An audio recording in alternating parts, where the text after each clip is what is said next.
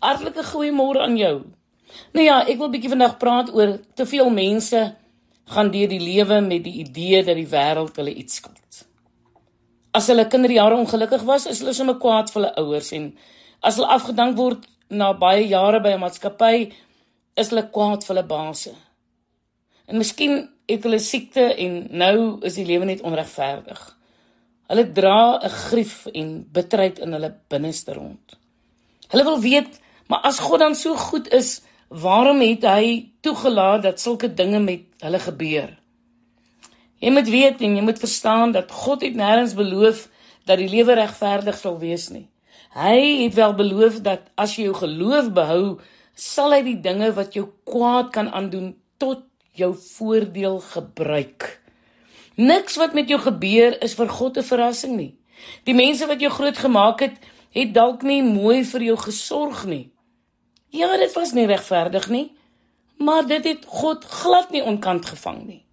Moenie dink jy is verkil en dit dan as 'n verskoning gebruik om bitter te wees nie. Jong, as jy dit te bowe kom, sal God steeds vir jou sorg. Die persoon wat jou sleg behandel het in 'n verhouding of die verraad of die egskeiding het wel vir jou pyn veroorsaak, maar as jy net oor dit kan kom, as jy kan ophou om oor en oor daaroor te praat en dit te herleef en jy kan vorentoe beweeg, sal jy by nuwe dinge begin uitkom wat God vir jou gereed het. Ek het regtig 'n baie eenvoudige boodskap vir jou vandag en ek bied dit met baie respek aan. Wat ook al aan jou gedoen is, kom daaroor.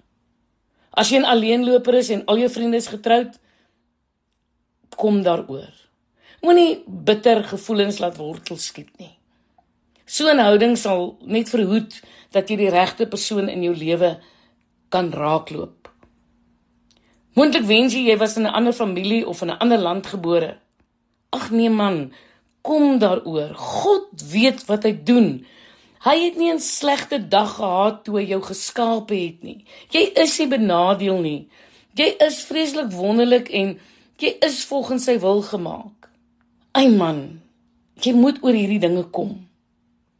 Niks wat jy deurmaak hoef jou te weerhou daarvan om alles te word waaroor God jou geskaap het nie.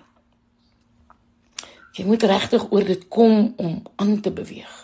Dit mag lyk asof ander mense meer het wat in hulle guns stel, maar God het jou die genade gegee wat jy nodig het om jou bestemming te vervul. Jy is nie geseën om iemand anders te wees nie. Jy is geseën om jouself te wees. Skud jou selfbejammering en bitterheid af. Jou ingesteldheid behoort te wees niemand skuld my iets nie.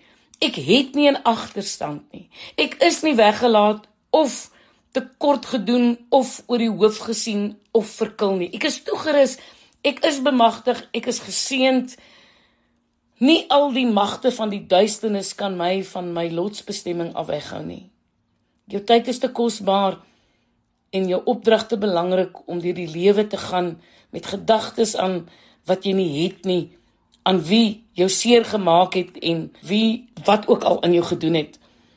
Dis 'n slenter van die vyand om jou aandag af te trek en jou kosbare energie te vermors op dinge wat nie regtig saak maak nie. Die vyand wil graag hê jy moet mismoedig en vol selfbejammering wees. Jy moet ander mense blameer, jy moet jouself blameer en jy moet selfs vir God blameer.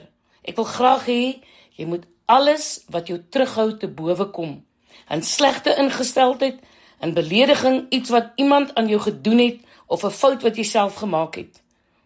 Moenie toelaat dat hierdie dinge jou agterhou nie. Die Skepper van die heelal het sy lewe in jou geblaas en elke dag van jou lewe is reeds in God se boek geskryf.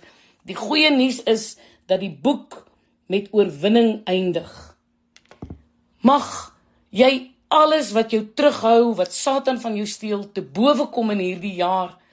En mag jy die goedheid en die guns en die genade en die liefde en sy drome oor jou lewe in vervulling sien gaan.